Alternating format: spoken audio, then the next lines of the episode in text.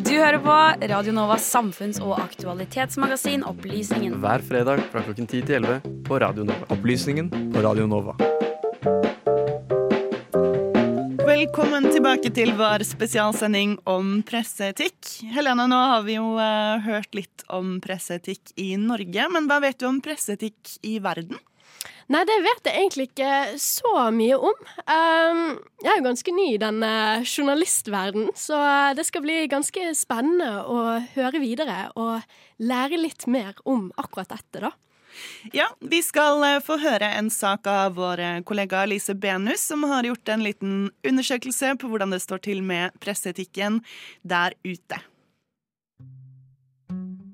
Hver gang vi her i Opplysningen lager en sak, så er det én ting vi alltid må ta hensyn til.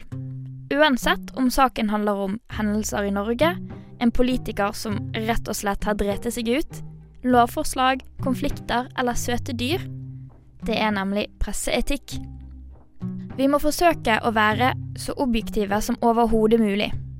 Altså i så stor grad som det er mulig, gi relevant informasjon uten at våre personlige meninger blør gjennom. Er vi svært kritisk eller kommer med bastante påstander om enkeltpersoner, har de en rett til å kommentere utsagnene. Vi skal ikke legge ord i munnen på noen. Vi må ikke finne på nye fakta eller pynte på fakta som allerede eksisterer, bare fordi det passer bedre til narrativet vi ønsker å formidle.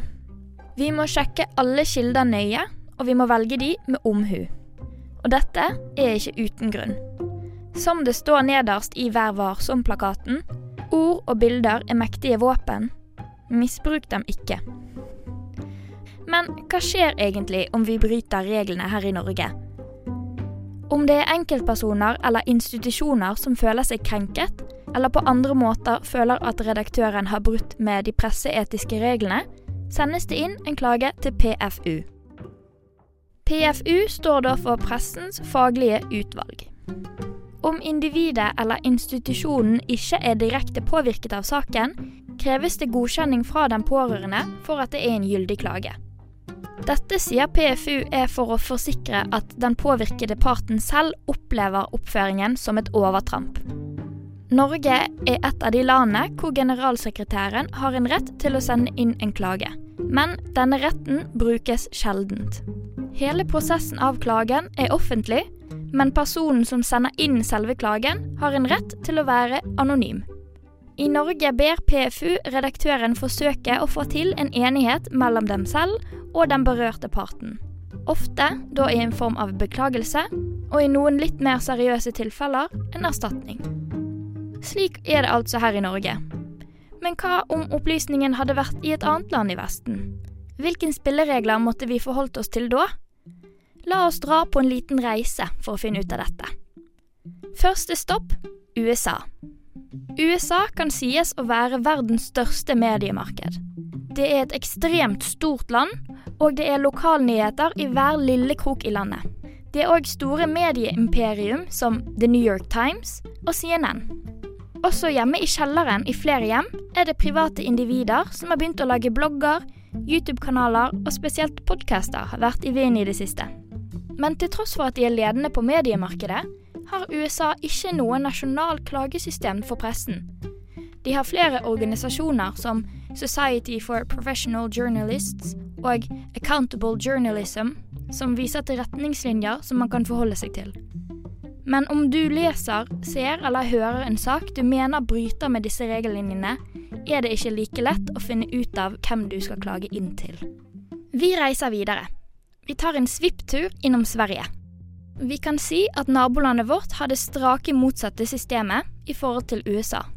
I Sverige har de, som i Norge, et organ hvor du kan klage inn dine egne eller andre saker som du selv mener bryter med presseetikken og reglene som man skal forholde seg til. De kaller det Pressens opinionsnavn.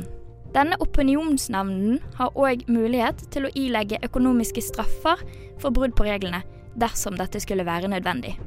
I Sverige har de òg siden 2010 hatt et statlig organ ved navn Myndigheten for radio og TV.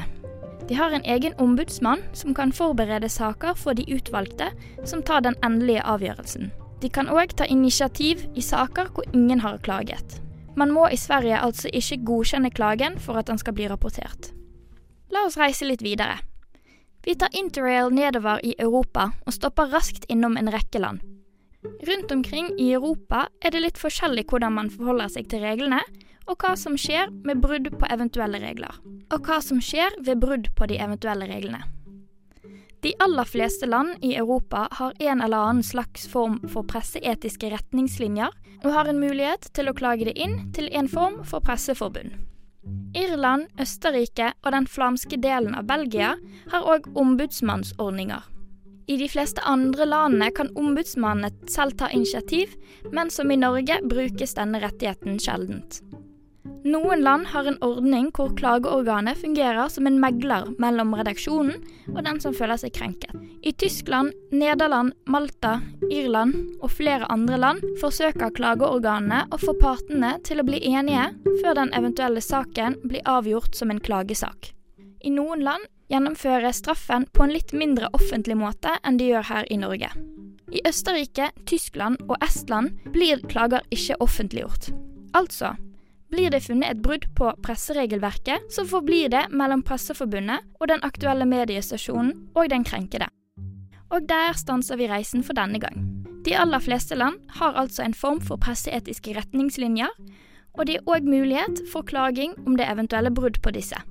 Om vi i opplysningen hadde eksistert i et annet land i Europa, hadde det altså ikke vært så stor omsetning fra de norske reglene til de nye. Dette er fint å ha i mente om vi noensinne skulle ønske å utvide driften vår.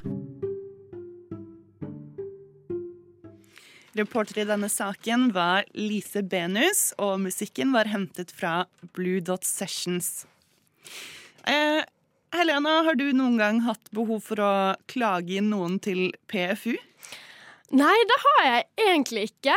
Um, men det er jo litt sånn interessant akkurat det med å klage inn til PFU, fordi det Lise har snakket om nå, det er jo så annerledes i andre land enn fra Norge.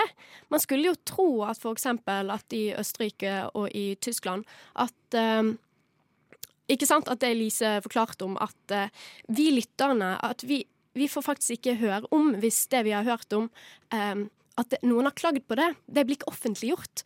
Og det er jo egentlig ganske interessant. Mm. Det eh, er ikke alltid så lett å få med seg eh, at det har vært en klage. Det er jo ofte eh, jeg som f.eks. abonnerer på journalisten sin nettavis, får det jo med meg. Men eh, hvis man ikke er spesielt interessert i eh, sånne ting, så kan det jo kanskje gå litt hus forbi, selv om det er jo en viktig del av det å bli felt i eh, PFU, at du skal da publisere unnskyldningen på samme flate som krenkelsen ble um, utført på. Uh, men vet du hva som er den mest vanlige fellelsen i uh, PFU? Hva som er mest vanlig at man blir liksom felt for å ha gjort feil? Nei, det vet jeg faktisk ikke. Det er en veldig enkel ting, faktisk. Det er at man kommer med en negativ påstand om noen, og så tilbyr man ikke samtidig imøtegåelse. Ja, ikke sant. Og det er egentlig mm. veldig rart at man blir felt på det, for det føler jeg at det er en ganske enkel ting å gjøre, da. Ja. ja. Mm. Da eh, kan vi gå videre i sendingen vår. Vi skal få eh, høre musikk fra noen av mine favorittgutter. Baklengs salto med 'Jeg vil ha'.